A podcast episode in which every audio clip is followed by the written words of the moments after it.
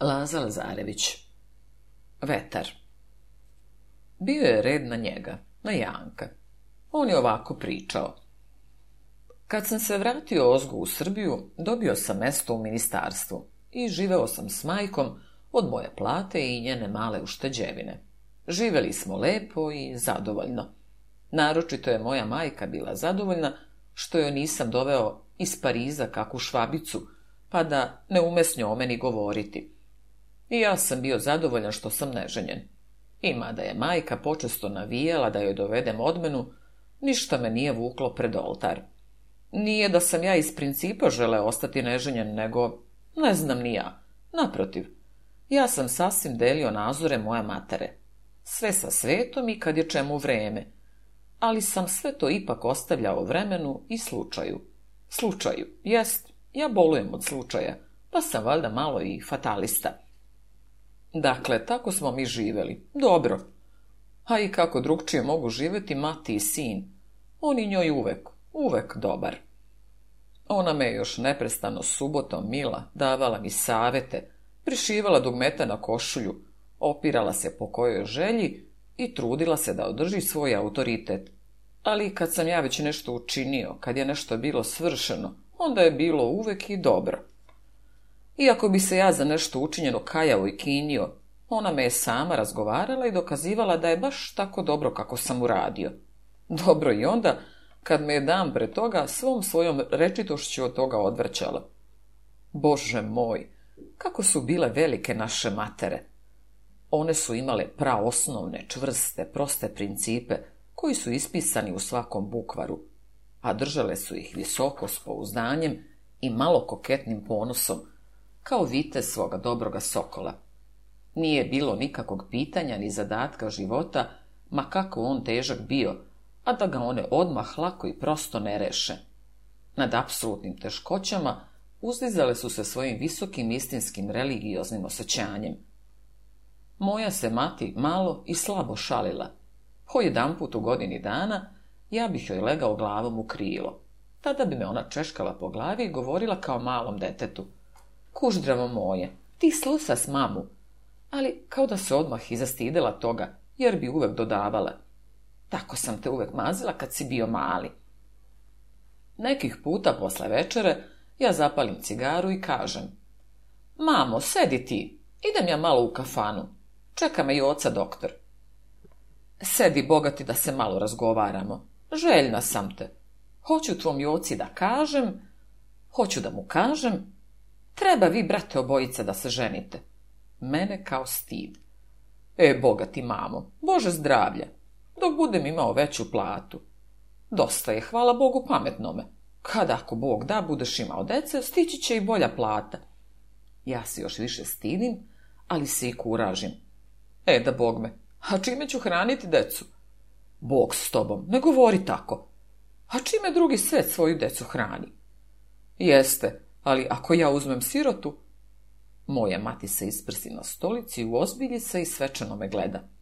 Bog s tobom, neka je ona srećna i valjana, pa kud ćeš većeg bogatstva? Ja se sasvim oslobodim. Ama bogati, tebi bi bilo svejedno baš ako bih se ja oženio i bez novaca. Bog s tobom, šta govoriš ko Neka je samo tebi draga i neka je čestita. Tako mi Boga.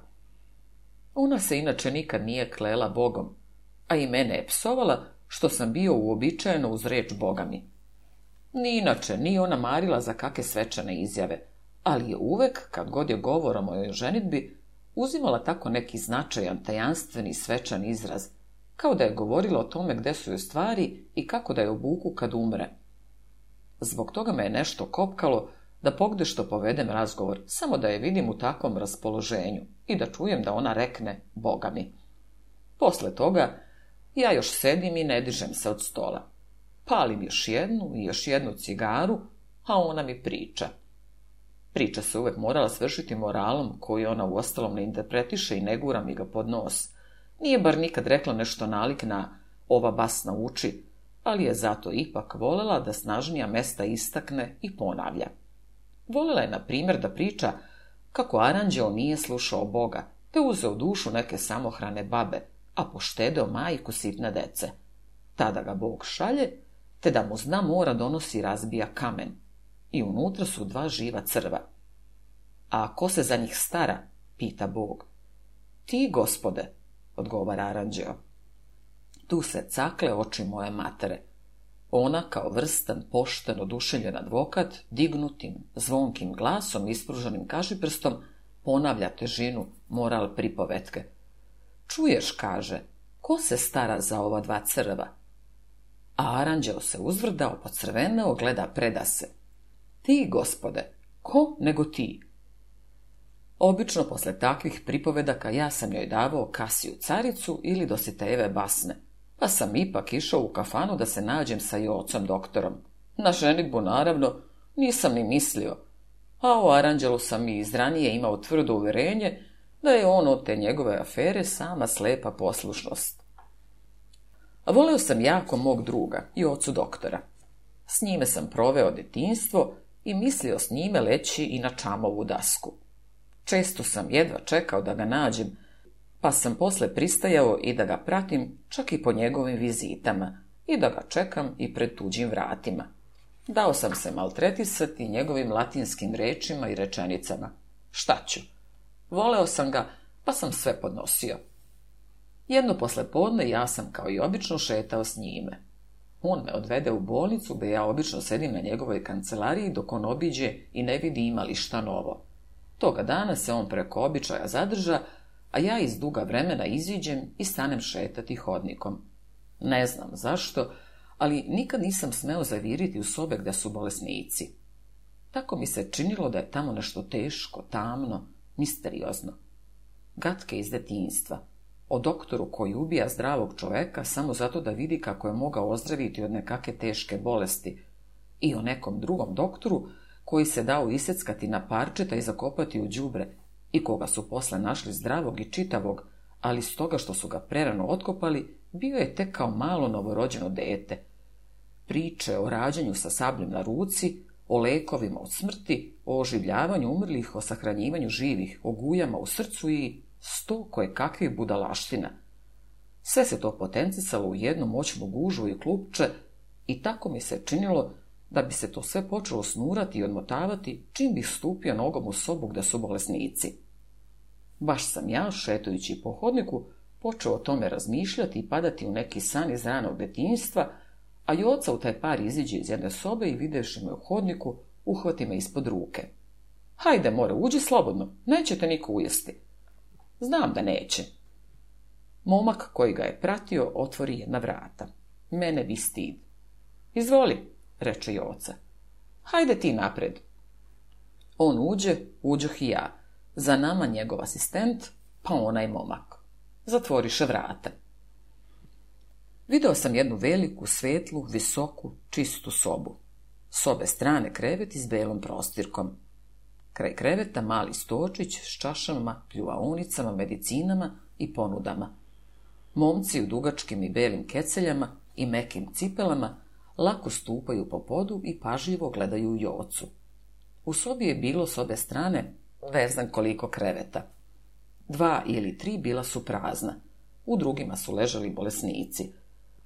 Neko je od njih bio pokriven i preko glave, neko je povisoko leškario, neko sedeo. Čini mi se da su podjednako obučeni, ali nisam video kako. Samo sam primetio veliko koštano dugme pod grlom onoga bledog mladića u uglu, što drži pljuvaonicu pod nosom i što mu je spreda na dva mesta krvava košulja. Znam da je u sobi bila tišina.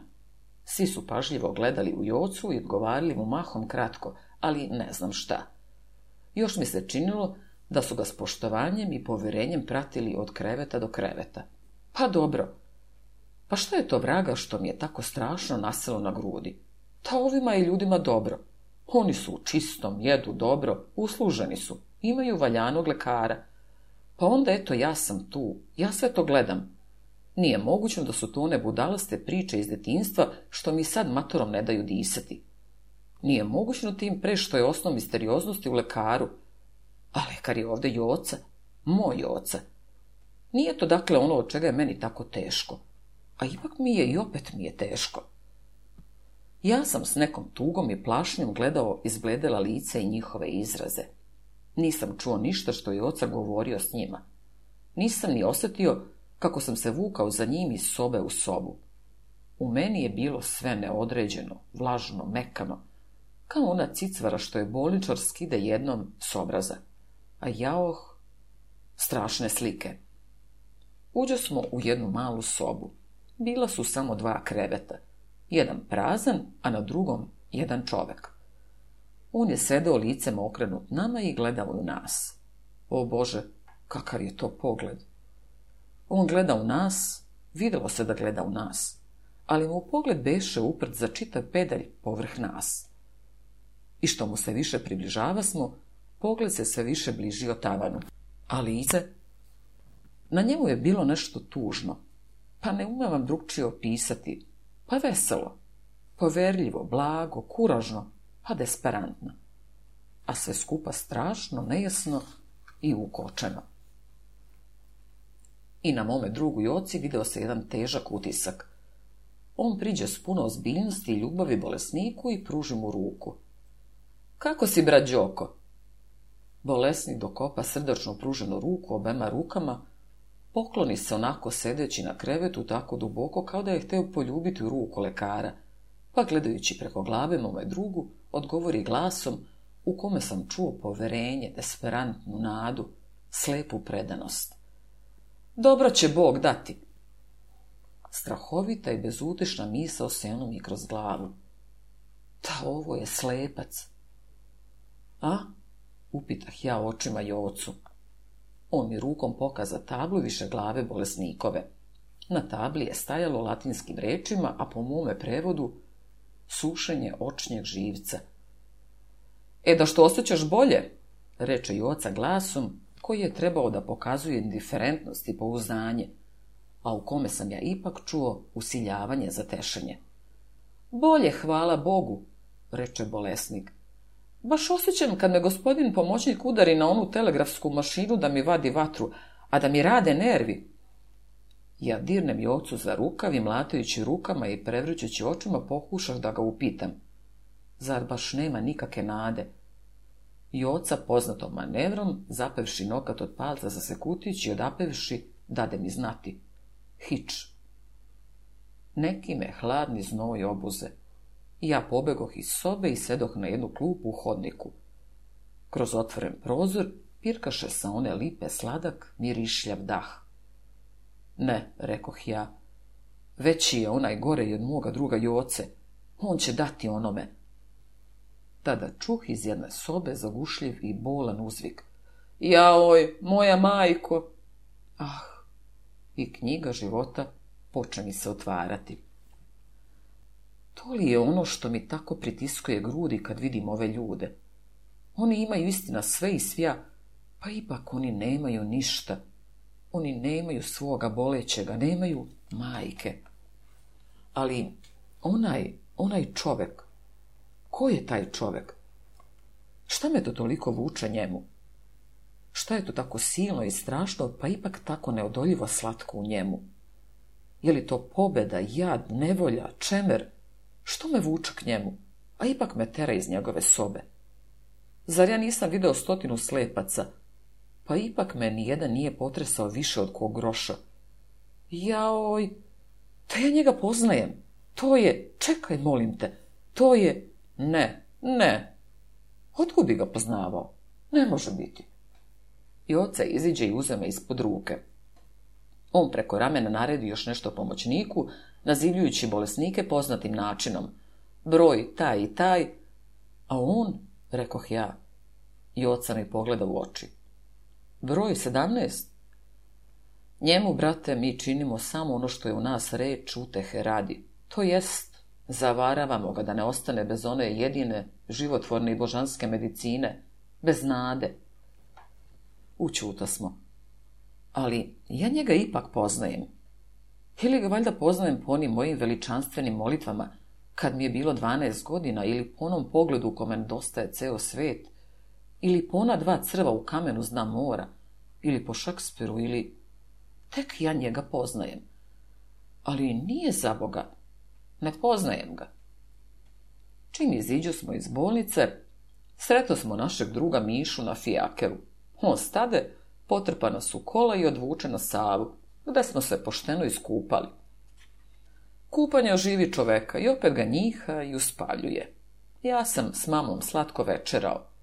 U nekom polusanom, galičijom i slatkom raspoloženju slušao sam posle večera njene tihe priče o katanama, po vladici što je u samoubilačkoj nameri skočio s gornjeg kata kroz prozor i ostao mrtav na mestu.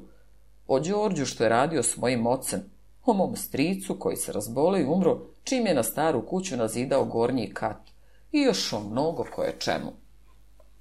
Malo okupan, kraj čaše vina, kroz dim od duvana, ljuška njezinim slatkim pričanjem, gledao sam je i mislio. Mnogo sam mislio, mnogo. I mnogo sam hteo da kažem. I kazao bih mnogo da me nije, ne znam zašto, stid. Da sam mogao, da sam smeo, ja bih joj kazao. Kazao bih joj, slatka moja majka. Uh, a oni u bolnici, pa onaj što viče, jaoj moja majko, pa onaj. Bestraga sve. Nije ni moje srce bačvanska ravnica. Baš neću više nikako o tome da mislim li mamo, kako se nosi onaj zlatan pušću što ga ti još uvijek čuvaš u ormanu? Onda mi je ona pričala o njenoj svadbi. Ah, kako je ona to umela da priča. Sasvim, sasvim drugčije nego Gustav Droz. I tako polako preturi smo deset sati. Spava li ti se dijete? Boga mi mi se spava, mamo. Kupao sam se. Pa hajde da ležemo. Lego smo. Neka, kaže mama. Ja ću ugasiti sveću. Znala je da ja to volim.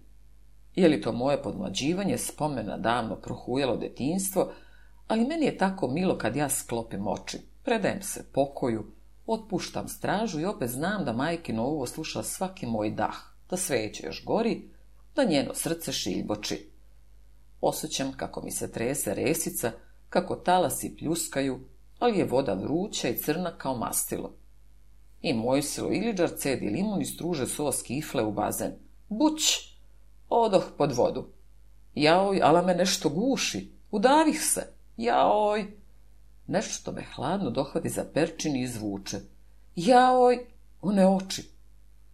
Lezi lepo, sine, nešto ružno sanjaš, pa ja učeš. Hvala Bogu, ali kakav je to san? Sad sam buda na ali kao da me neko nečim što zveči, a ne boli, lupi po glavi. Ja skočih i ispravi se u krevetu. Mamo, šta, brate? Video sam onoga, onoga, kako se zove? Onoga Čiča, Čiča Đorđa, jest, Čiča Đorđa, znaš onoga? Ja sam bio mali, onoga što je radio s tatom, znaš? Sad i moja mati skoči iz kreveta. Đorđa Radojlovića. Njega. Sad se moramo vratiti natrag. Natrag sa mnom za čitavih mojih 20 godina.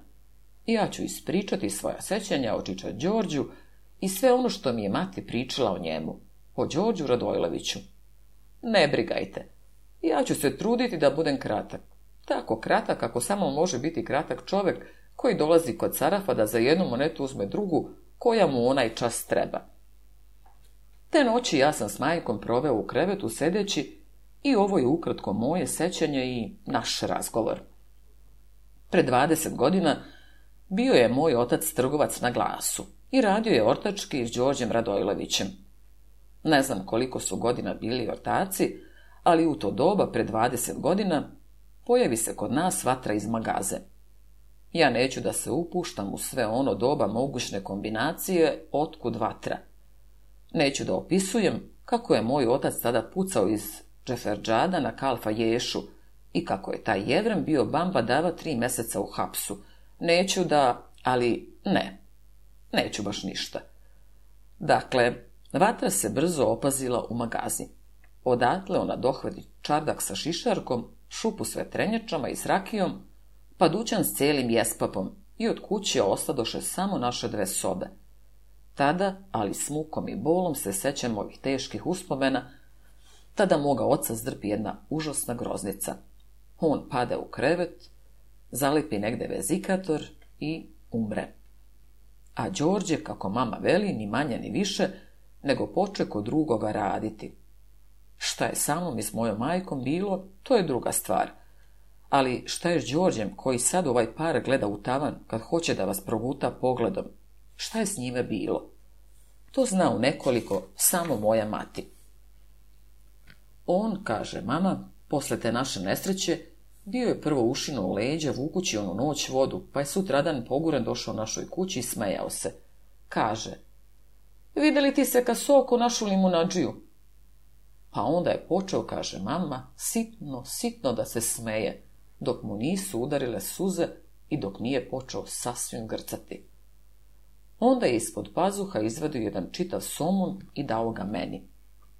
Sasvim se lepo sećam toga somuna i onoga vezikatora što su ga zalepili tati. Badava.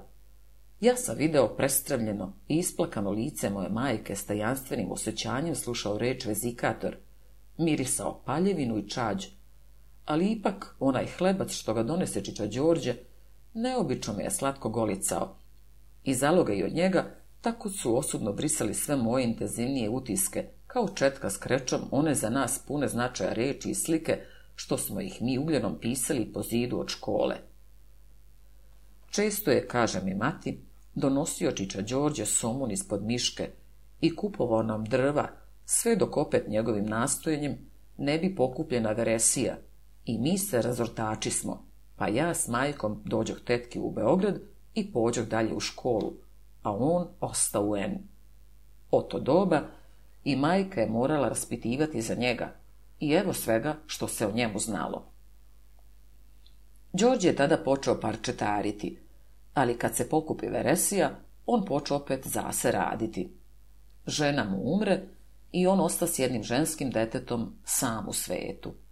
Tada on uze svoju udovu sestru u kuću i punih sedamnaest godina ne skidajući ni dan i noć s kolena zakačke, Bog zna ne bi opet došao do zelene grane, ali ga oči počeše izdavati. On potrča i babama i lekarima i ne željaše ništa govoreći. Našto mi, brate, i ruke kad očiju nemam? Ali bolest osvajaše.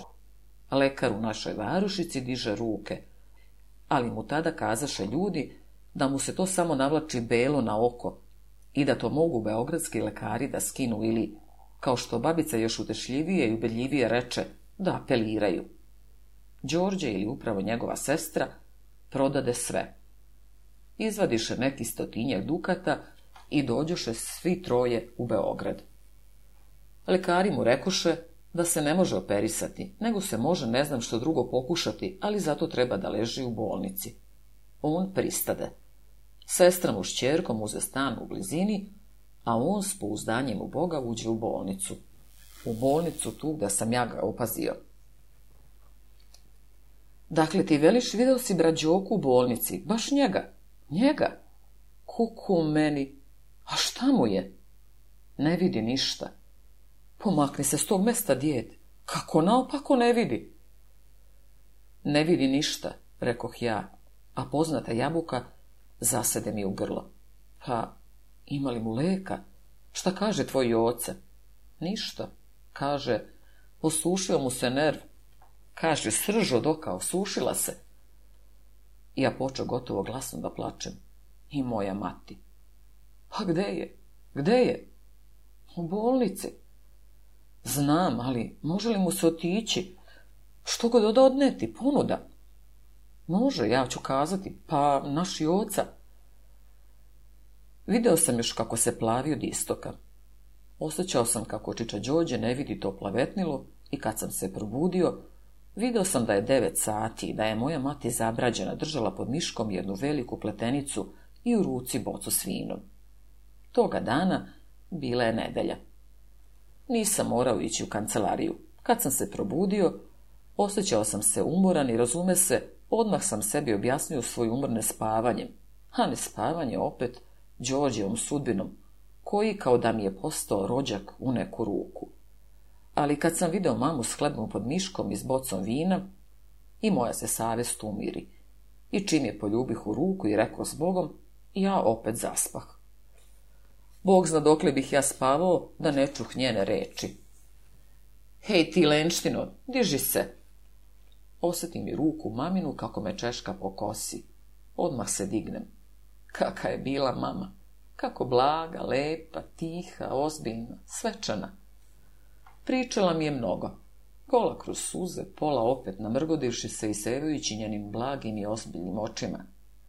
Svoje je priče začinjavala svojom filozofijom o životu, o obrazu, o sreći, o sudu i tako dalje, a sve se to opet svršavalo jednim velikim bogom. Ja sam toga dana nešto upamtio što nikad zaboraviti neću i ne mogu. Video sam sasvim iznenada i začuđen da je ona nalik na Čiča Đorđe. Ja ne znam kako to da vam kažem, kako da opišem, ali je sličnost neobično jaka. Mnogo sam o tome mislio. I sad mi se tek čini da sam tada i na njoj video onaj isti izraz lica, onu istu tišinu duše, ono pouzdanje, pouzdanje u Boga. Otidi opet kad stigneš, kaže mi mama. Otidi, javi mu se, obiđi ga siromaha dok je još ovde. Kaže da će kroz koji dan natrag u N. Natrag? A što? Boga mi u onoj muci nevolji, ja ne znam ni šta mi je govorio. Znam samo da reče da će da ide. Pitaj tvoga i ocu. Ja se odmah umijem, obučem i uljudim. Nisam hteo ni kave piti, nego odmah otrčim u bolnicu. Bilo je već blizu podne. I oca je bio, kako mi je rekoš, odavno svršio vizitu i otišao. Ja se javim pomoćniku i uđem u malu sobu. Ali tek što sam bio otvorio vrata i vide onaj značajan pogled koji kad su vrata škripnula beše ukočeno upravljen povrh njih, tek sam velim očkrinuo vrata, a neki zatvarač koji osjećam da je unutra u meni, te da ih protiv moje volje i silom zalupiti i ostaviti me na polju ja junački otvorim širom i stupim slobodno unutra. Ali ne umem da koračim. Rekom da sam fatalista. I tada mi se učinilo da se nešto značajno sa mnom zbiva. Da se moja sudbina rešava. Soba je bila okrečena, ne osvetljena, ne ozarena nekom fosforastom, ljubičastom, nekom, ja ne znam ni sam kakvom svetlošću. Na krevetu pokrečića đođa, Đorđa sedelo je žensko stvorenje i ono je gledalo i gledalo u mene. Ali taj pogled bio je nešto sasvim drugčiji od Đorđeva i taj pogled dolazio istina ozgo, ali je se spuštao krozame i silazio još za čitav hvat u zemlju. Ja sam bar gore na temenu rupu i dole za patos zakovane noge. I onda sam se znojio, kuvao, topio i na bio hladan kao ledenica. Molim vas, malo da se izduvam. Dakle, ta devojka imala je crne oči velike, tako da je od njih duvao neki vetar i neka promaha me odmah uhvati i ukoči celu levu stranu. Kosa i obrve bile su joj plave, te je zar tim više odskakalo ono crnilo, kao što kroz zemljene opkope jasnije i značajnije viri grlo topovsko. Stasa je bila srednjeg i snažnog. Nešto zanošljivo, mramorosto belo, čvrsto i elastično se svijelo u gipke oble linije, pune živosti, snage i jedrine. Sve miriše na proleće, izdašnost, plastičnost. Ali to što nasedi kraj Đorđa i njegov pogled i njen pogled, to je i opet dizalo visoko gore u zrak ideala. Moje ranjeno srce poče klecati i najzad pokušavati da se poštapa na jezik, ali on se već uzeo i obamro. U taj par pade mi na pamet što mi mati reče u jednoj prilici kad sam se zbunio. Bogati dijete, to ti si svetski čovek.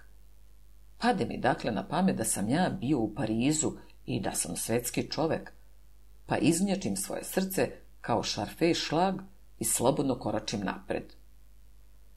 Poklonim se njoj pa pružim ruku Đorđu. Dobro jutro, čiča Đorđe. Poznajete li me? On uze moju ruku obema svojima, izvrte glavu na stranu i sa strane, gledajući preko moje glave, poče se nihati kao zaušćujući da mi nešto odgovori. Ja mu priskočim u pomoć. Kaže mi mama, ali me on odmah prekide. Da ti si, Janko. Gle, a kako da te poznam? Bila je seka soka i nadao sam ti se. Ali piha, kad je to sebe bilo?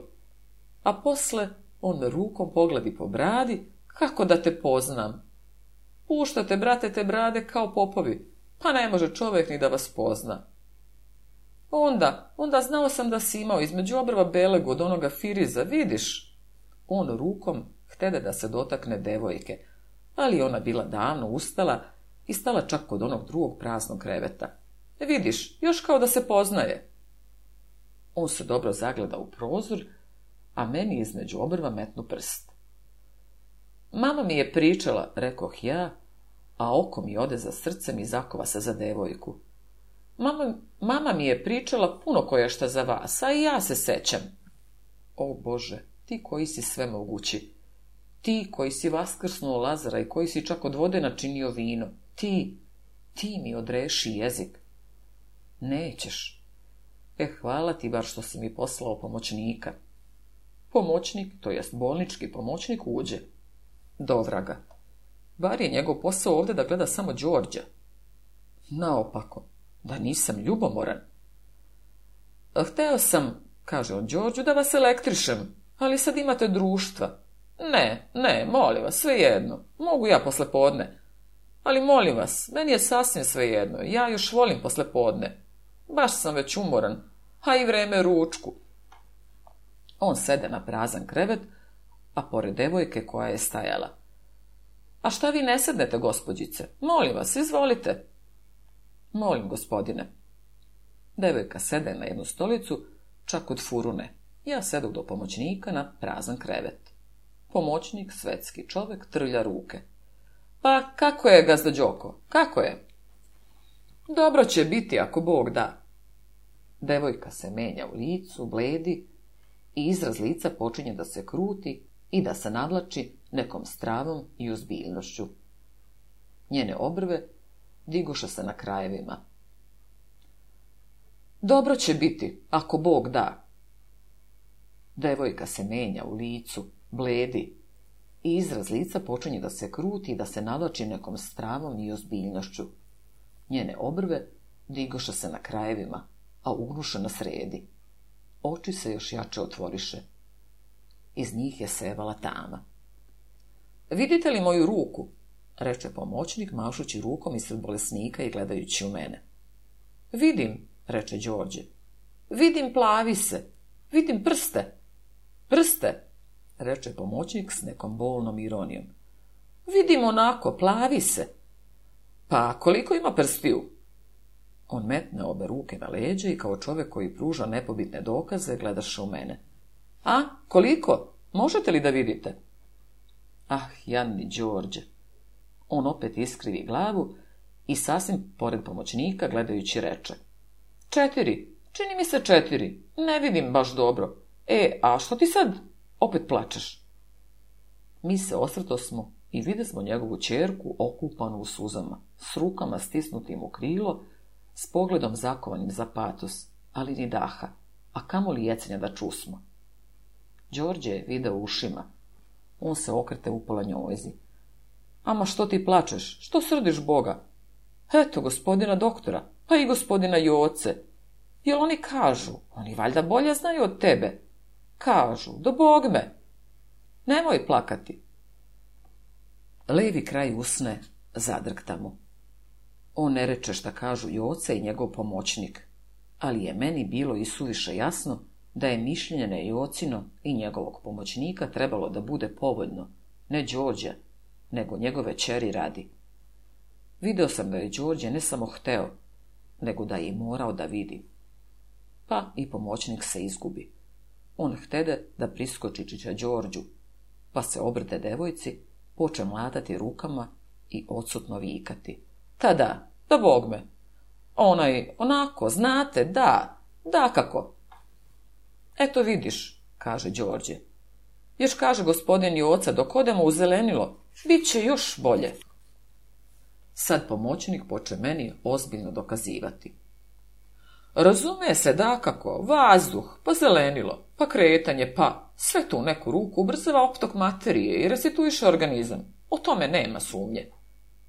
O tome nema sumnje, reko i ja, tek da se nešto rekne. A devojka isto onako seđeše, isto onako ruke držaše, isti pogled, suze, sve. I opet beše na njoj sve drugčije, sve kao obavrlo, obešeno, bez izraza.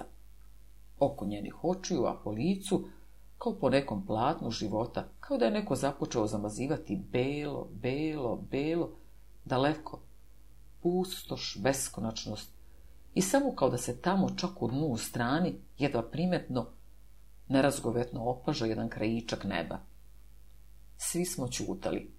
Pomoćnik je prebacio nogu preko noge, cupkao, gledao u tavan i namestio usta kao da će da zviždi. Meni je nešto igralo pred očima, te mi se činilo kao da se đođe s nekim rve. Tada se iz njegovog kao staklo mrtvog oka otkači atom ledenog očajanja i kao lavina padaše sve silnije i ogromnije naniže. Pregazi nas dvojicu i zdrobi devojku. Ona poklopi oči rukama i suza njenog oca pade u more njezinih suza. Ne znam koliko smo čutali. Onda Đorđe prvo obrisa oko i pouzdanim, čisto veselim glasom obrte se pomoćniku. A ko će mene tamo analizirati? Šta? Pa ovo, kako ga zovete, ova mašina. Da se elektrišete? Pa, to više ne treba. Ja mislim, a što je glavno i gospodin oca, da sad treba samo da ste u zelenilu. Eh, tamo gde ja mislim, baš je zelenilo a i vode su boga divota. Šuma je, trava je, luftovi su. Ja i pomoćnik se pribrasmo. Govori smo dugo o svežem vazduhu, o rovitim jajima, šetnji i o prirodi koja radi. Prirodi onoj koje se ostavljaju ovaki bolesnici, i to kao da i devojku donekle umiri. A Đoka nam i sam već uze pričati o nekom njegovom svojaku, kako je bio na savrati kako su ga doktori već ostavili, kako su mu palili sveću, a doktori savjetovali da se ostavi na prirodu i na posledku kako je taj njegov rođak sa svojom prirodom pobedio i bolest i doktore. Ja se digoh. Oprostim se s Đorđem, koji mi reče da će uskoro na put, ali će doći da se oprosti s mamom. Oprostim se s devojkom. Zbogom, gospođice, Bog će dati, pa će sve dobro biti. U ovakvim prilikama ja kao lajka, naravno sudeći po zdravoj pameti i poznavajući moć prirode, ja mislim da izgledi, ako ne potpuno ozdravljenje, a ono bar, vi već znate. Ih, ala sam glup. Pa gde je opet ta kvaka? Kao da su vrata dva kilometra od mene. Toga dana posle ručka leškario sam na krevetu i razmišljao. Nije vajde. Današnji moj sastanak u bolnici načinio je na silan utisak. Pokušao sam da ga nališem. Ja neki put volim da budem filozof, pa da hladno sudim. Našao sam da je utisak u osnovi tužne prirode. Jako tužne prirode. Naravno, bez ikakve muke našao sam i zašto je tužan. Pa ako se i s čim može uporediti svet, to je s očima. A ako se i s čim mogu oči uporediti, to je opet sa svetom. Pa još kad taj svijet stoji predamnom, pa su te oči moje, pa kad ih ne ima ni jednog ni drugog. Onda sam dalje analisao, dalje redom, iako mi se nešto, ja ne znam još šta, sve trpa preda i kaže mi, haj sad uzmi mene, haj turi mene napred. Ali ja se ne dam.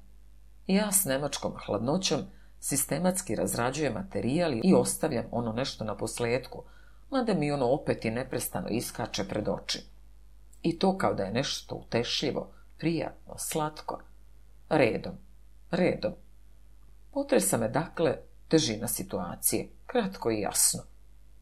Potresa me moj odnos prema predmetu pažnje, moji lični odnosi, pa moji familijarni odnosi. Potresa me onaj grandiozan utisak na moju dobru mater, Potresa me osjećanje moje nemoći da pomognem čoveku koji je pomagao nekad nejakome meni i ostavljenoj mojoj majici. Potresa me, ali ne. našto što sva ta komendija? našto pretvaranje? našto laganje sebe sama? Došlo mi čisto da plačem. Kakav jedan sistem, kakvo filozofisanje. Ja hoću da pustim srcu na volju. Hoću da iscedim slast iz ove tuge, Hoću da mislim na nju, jer ona je uteha i život. Eto, ja tako volim Čiča Đorđe i tužim za njim. Ja vidim, ja poimam, ja osjećam svu njegovu nesreću. I sam sam nesrećan i bezutešan, ali ja vidim nju pored njega i sve dobiva drugi izgled. Ona je uz njega ono što Vaskrs uz veliki petak. Ona je, po mome shvatanju, imala zadatak da ga, pored sve njegove nesreće, ipak usreći. Ona će ga i usrećiti. Ja vam kažem, ona će ga usrećiti. Bar ja bih s njom bio srećen. Još kako? Tada se opet u meni počne koprcati filozof i svetski čovek. Lakše, lakše, mladiće. Ta ti, ti si video dosta očiju, iz kojih su sevale malo oštrije strele, ali tvoja parijska na košulja čuvala je tvoje nežno srce. O Bože, Šta to sve vredi? Ma što je radio, mene je ipak bila ponela, celoga ponela ta misao. Ja sam ogledao da je se otarasim, ali sam se opet grčevito i veselo koprcajući se predavao njoj. Pokrivao se s njom i uvijao u nju, kao ono što golišava deca skaču u hladan krevet i živo sa uzvicima uvijaju se u pokrivač. Ne znam u čemu sam proveo to posle Nešto sam kao pokušavao da radim, i radio sam, no možete misliti kako. Srce me je vuklo ponovo u bolnicu, ali mi je razum kazao da nje tamo nije. Bojao sam se da mama ne opazi na meni kakvu promjenu, pa čim sam je opazio da dolazi u moju sobu, ja sam odmah trpao moju cigaru u usta i tražio žigice, dok mi ona na posledku ne izbroja sedam kutija, koje su mi stajale pod nosom na mome pisaćem stolu. Počinjao sam stotinu nekakvih poslova, ali sve išlo od zla na gore. Na posljedku sam postao nestrpljiv i nervozan. Povrst svega toga bio je još i dan preko svake mere topal, te mi čisto pripada neka muka.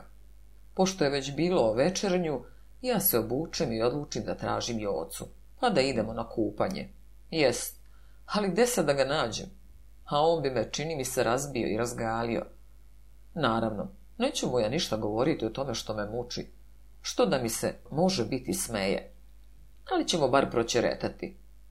Sve je to lepo, ali gde je on sad? Pa, ako ga još ne nađem, čisto sam se dao u brigu. Ali čim ja iz kuće, a on na kapiju. S malim ga nisam zagrlio. Nagovorio sam mu za minut milion gluposti. Kako sam hteo da ga tražim, da ga tražim kod njega, kod kuće, da ga tražim u bolnici, kod bolesnika, u čitaonici, u raju, u paklu, More, šta ti je danas? Ništa, brate, rekoh veselo. Vidiš, ja imam to, smej se ti koliko hoćeš, ali ja to imam, da kad nešto silno mislim, kad mislim da će mi se nešto desiti, da ću se s nekim, na primjer, sastati, nekoga sresti ili tako što, da mi se to baš desi. Eto, na primjer, sad s tobom. Rotkve, u hiljadu puta ni jedan put, pa ništa, a jedan put pa zakon. Meni krivo što on ne pristaje u moje ludovanje. Lakše bi mi bilo. Na posledku, kad već hoće da se prepiri i svađa, hajd, i to je kakav taka zabava. A što se ti opet praviš važan? Ti misliš, ako ti znaš da se bubrgom ne diše, a opet da se u mozgu ne pravi žuč, da znaš sve i svja. Usiljavao sam se da dođem u vatru. Ali kad pogleda Hjovcu, ja se začudih. Nekaka mračna tajanstvenost bila je na njemu. Tako mi je bio promenjen, da sam izgubio svu volju za disput. Bio je zamišljen, pa rekao bih i ljud, i kao da je smukom pratio moj govor, kao da se usiljavao da se otrgne od neke teške misli. Ili se to meni samo tako činilo? Da vidim. More, šta ti je danas? On se poče vrteti, Pruživši najpre vrat i krećući ramenima, pa posle počeo izdizati ruke kao što čini čovek kad ga svrbe leđa ili ga steže haljina pod pazuhom. On je to činio tako brižljivo da je jedba dospeo da mi odgovori. Ništa. Ne znam otkud mi dođe u pamet, a još manje otkuda mu zajedljivo reknem. Da se nisi more zaljubio? On pozelene i isplazi mi jezik. Video sam da nije za razgovor i ostavio sam ga sve do posle kupanja i tek kad smo i pivo popili, učini mi se da će uspjeti s mojim predlogom.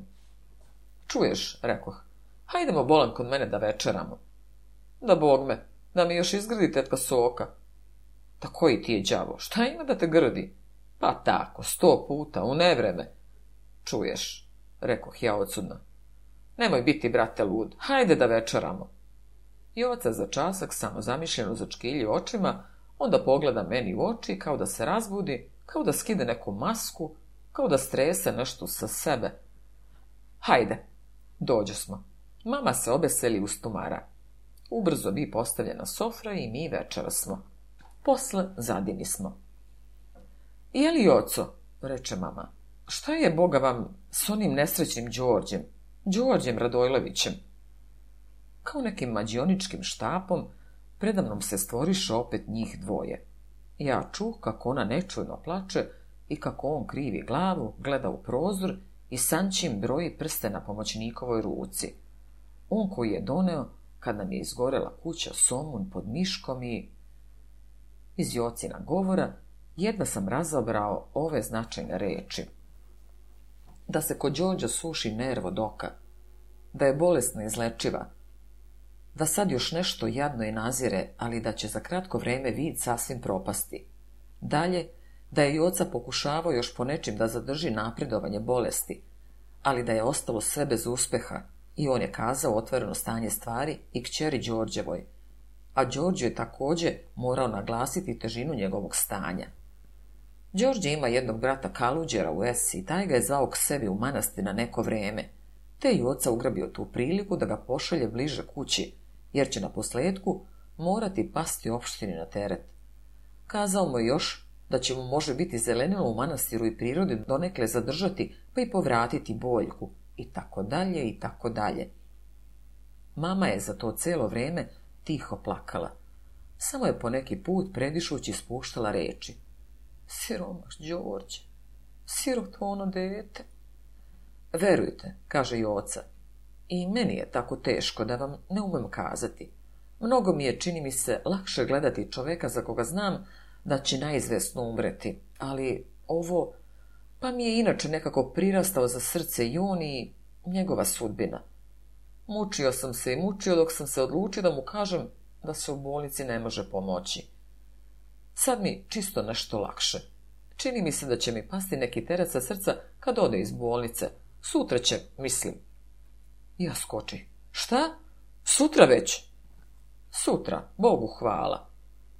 Sad nastupi jedna velika pauza u kojoj ne znam šta je ko mislio, a ja sam samo gledao Đorđa kako ga ona s tetkom vodi kolima, kako on rukom napipava ždrebčanik i kako se po vaučke podlači pod Kako se svi nameštaju, gledaju je li on dobro i onda kas, kas, kas jedan oblak prašine i ništa se više ne vidi. Mnogo sam još sanjao i filozofisao. Razabrao sam se na mjestu gdje moja mati govori oci da će mu spremiti uštipaka s medom, samo neka on kaže kad će da dođe na večer. Ali i na čelo veše čudnovato. Da li to sa Đorđeve sudbine? Pa zar se doktori ne nauče već jedan put na te utiske? Zar ne uguglaju sve to ili možda šta? I tu noć sam sanjao. Sanjao sam, a ja kao idem nekom livadom. Sve se zeleni kao jed. I u vazduhu nešto miriše. I negde kuka kukavica, a opet ispod nje, ja ne znam otkud, ali ispod nje izbija sahat. Od nekud puše vetar, i to tih, topal, mirišlja vetar. I šušti, lipa, i onda jedan jak vijor, i oko mene je sad gora, pusta, mračna gora. I predamnom je staza. I opet kuka kukavica. I čujem šetalicu sata i ona kao govori. Janko, Janko. I još nešto, ali ne znam šta. Sve je samo mračnije i drva se spuštaju i savijaju. I staza je sve uža i sve se manje vidi, a nešto se provlači teško korača. Tada ja vidim devojku, devojku kakve samo snu dolaze. Ona se ispravi i poverljivo mahnu rukom i tako slatko kaže moje ime. Janko, Janko.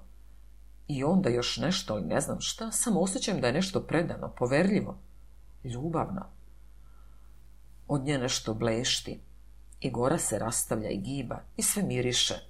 I ona se giba i sve se više upije u mene. Tada ja poznam nju. Poznam Đorđevu čerku i krepko i dugo i značajno joj stegnem ruku.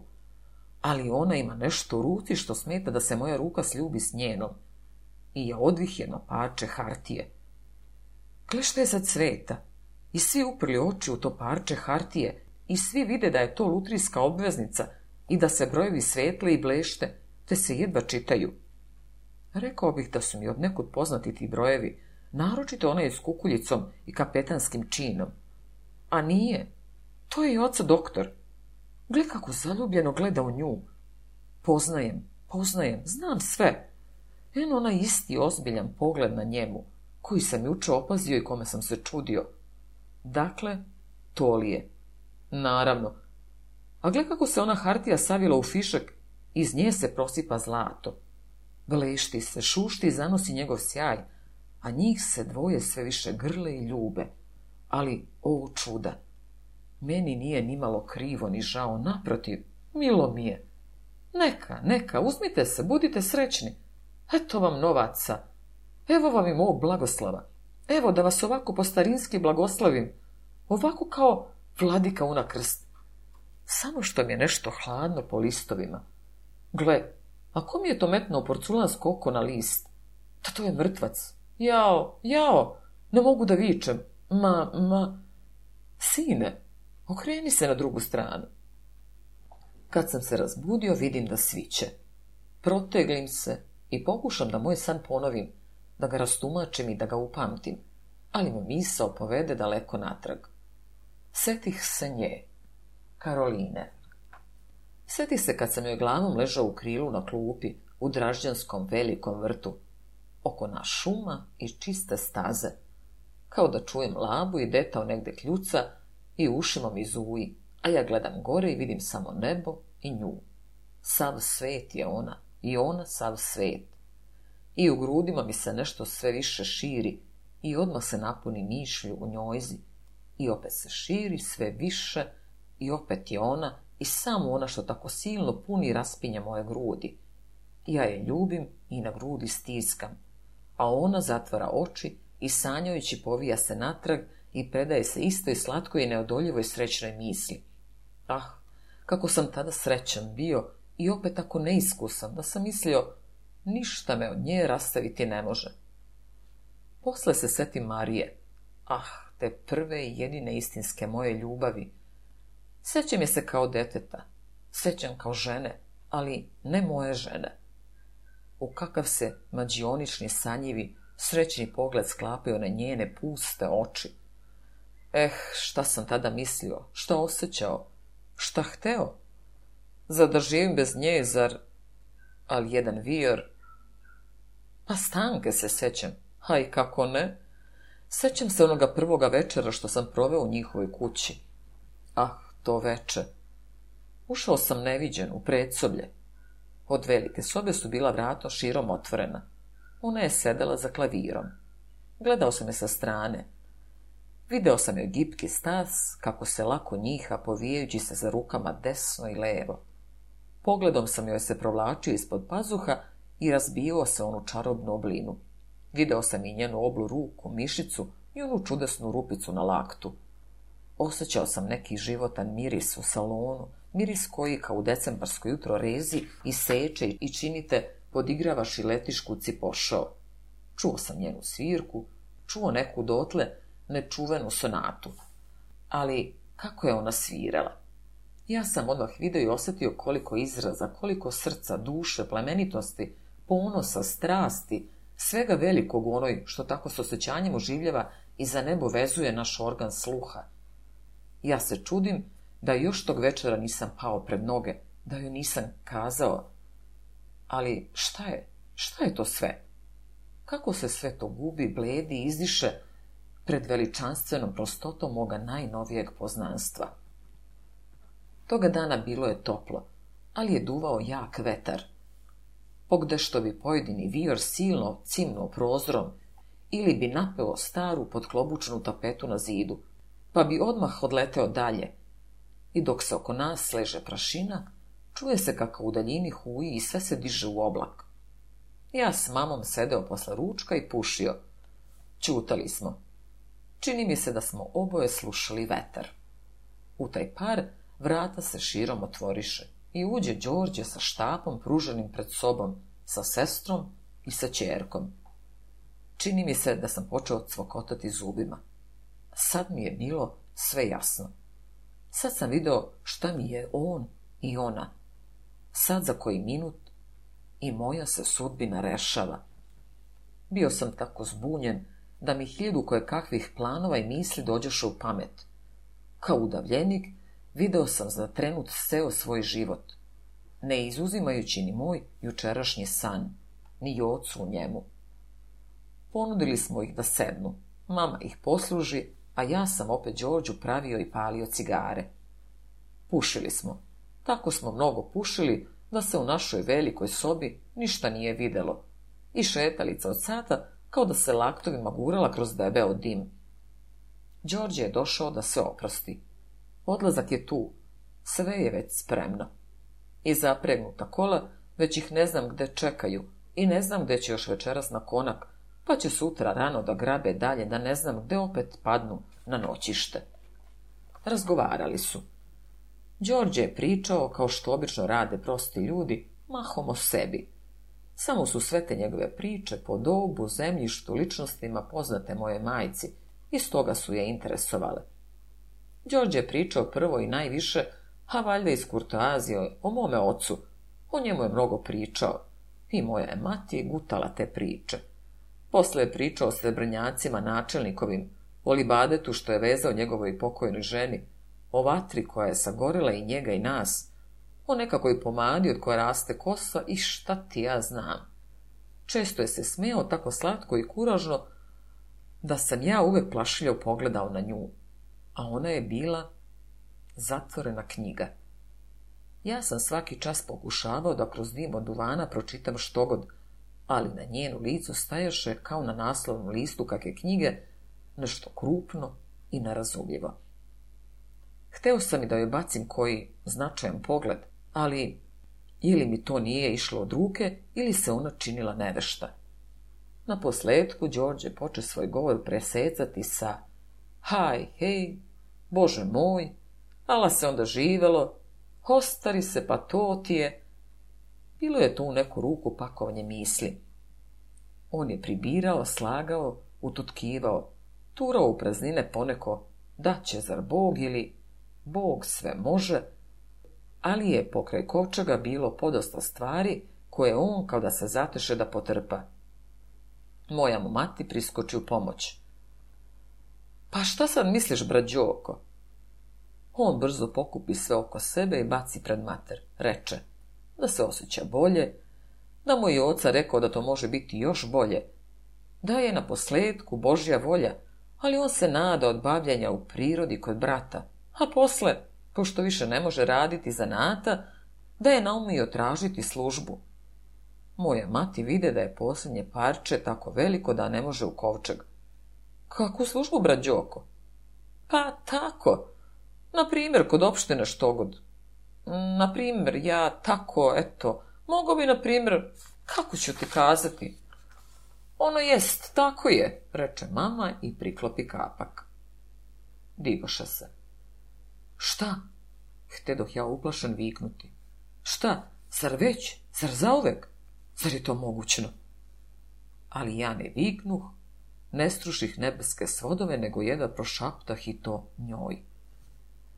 Zar već idete? Ona tužno slaže ramenima i poslušno pokaza očima na oca. I sad odmah sedate na kola, sad odmah putujete. Odmah. Odmah. Ne znam kako smo se oprostili. Ništa nisam video. Bilo je u sobi i mračno i zagušljivo i tavanica se počela spuštati i dim od uvana kameniti i sve da te uguši. Ja sam se rukovao, to znam. Znam da sam i mami stiskao ruku, i da mi ona ozbiljno smješeći se rekla. Zbogom, ali ja ću samo do vrata. I vrata se zatvoriše. Mama se vrati. Čujem u avli korake i lupu od batine kojom se Đorđe poštapa. Još jedan trenutak i sve je izgubljeno. Mamo! Šta, brate? Mamo, ja ti... Još malo, pa je docne. Mamo, ne znam zašto, ali eto vidiš, ja... Čujem kako se zatvoriše vrata od kapije i odsudno vidim na licu moje matere onaj ozbiljan izraz koji se na njoj vidi samo kad je govor o mojoj ženitbi. Još manje nego malo i sve je propalo. Mamo, meni se dopada ova devojka. Krasno dete. Raziđe se dim u sobi. Neka davno neviđena svetlo sinu i sve zamirisa s nadom i pouzdanjem. Valjalo je hitati. Ja sam uvek razumevao svoju mater, pa i sad sam razumeo da treba sad i to odmah kidati. Da ih zovnem! I ja poskočih vratima. Ali kao crveno more pred Mojsijem, tako se njena lepa i suha ručica ispreči predamnom. Kad joj pogledah u oči, videh nešto ogromno veliko, ali ne razumem ni ovo lišno. Idi ako ćeš, reče ona i njen pogled razvoji crveno more. Idi ako ćeš. Boga ubio ko ti u tom stane na put. Bilo je još toliko vremena da sam ih mogao vratiti s kapije, ali se ne makuh s mesta i kao gledah u majku. Idi, to je jedno dobro i čestito dete. Znala sam joj i mater, krasna žena. I Đorđe je jedan po jedan čovek. On eto sad nije ni zašto, ali se još ne da. I ja ti kažem, Mamin glas počeo enfatično da zvoni. I ja ti kažem da se on nikad neće dati zlu. On je od starih ljudi. On je junak i veruje u Boga. Idi ako ćeš. Ali u njenim očima stajala je drugčija presuda. Ja sedoh saslušah i oborene glave. Ona kao da pade u neki zanos i kao da sebi samo ili nekome drugome, a ne meni, uze govoriti. Taki ste vi svi, današnji mladići. Ne znate šta hoćete, pa ne znate ni šta radite. Haj, haj, kako su vaši stari begenisali devojke, a kako se vi danas zaljubljujete. Svi vi, svi. Pa onda, kao da se trže iz nekog sna, pljesnu se rukama i okrete se meni, oštro me gledajući u oči. Ali i naopako, da ti otkud ne voliš Đorđa, pa da stoga ne uzimaš nju, da otkud ti nećeš da učiniš njemu sve što čovjek može učiniti, pa daješ Čisto me sramota da kažem, pa daješ srce njegovoj čerci. Devojci krasnoj, poštenoj, čestitoj, dobroj kućanici, ali devojci, razberi se, molim te. Koju si ti juče prvi put video? Samo nemoj da misliš da ja imam što protiv nje. Ne, boga mi. Bog je velika zakletva. Ali vi, današnji mladići. Onda se pljesnu rukom po čelu. O šta ja grešna u Boga radim. Mećem devojci granu na put. Idi, idi, idi. Ona me očajno dohvati za ruku, upravo dovuče do vrata i otvori ih. Ja uhvatim njenu ruku i poljubim, pa širom otvorim vrata. Ide, mamo, ovdje je strašan dim. Kad iziđem u avliju, vruć jak vetar dunu i otvori kapiju. Ja iziđuh na ulicu. I kao da u daljini videh peševe od Đorđevo kaputa, kako ih nosi vetar. Još kao da ih ču dva, tri puta udar njegove štake o kaldrvu, pa onda se opet sve zavi u oblake od pršine. A ono tamo daleko pred njima, da nije ono i oca doktor. Čudno sam se osjećao kad uđeh u sobu i videh mamu u onom svečanom raspoloženju kao kad priča. A šta ja tebi more reko, ha? A ko se stara za ona dva crva? Čitala Dragica Babić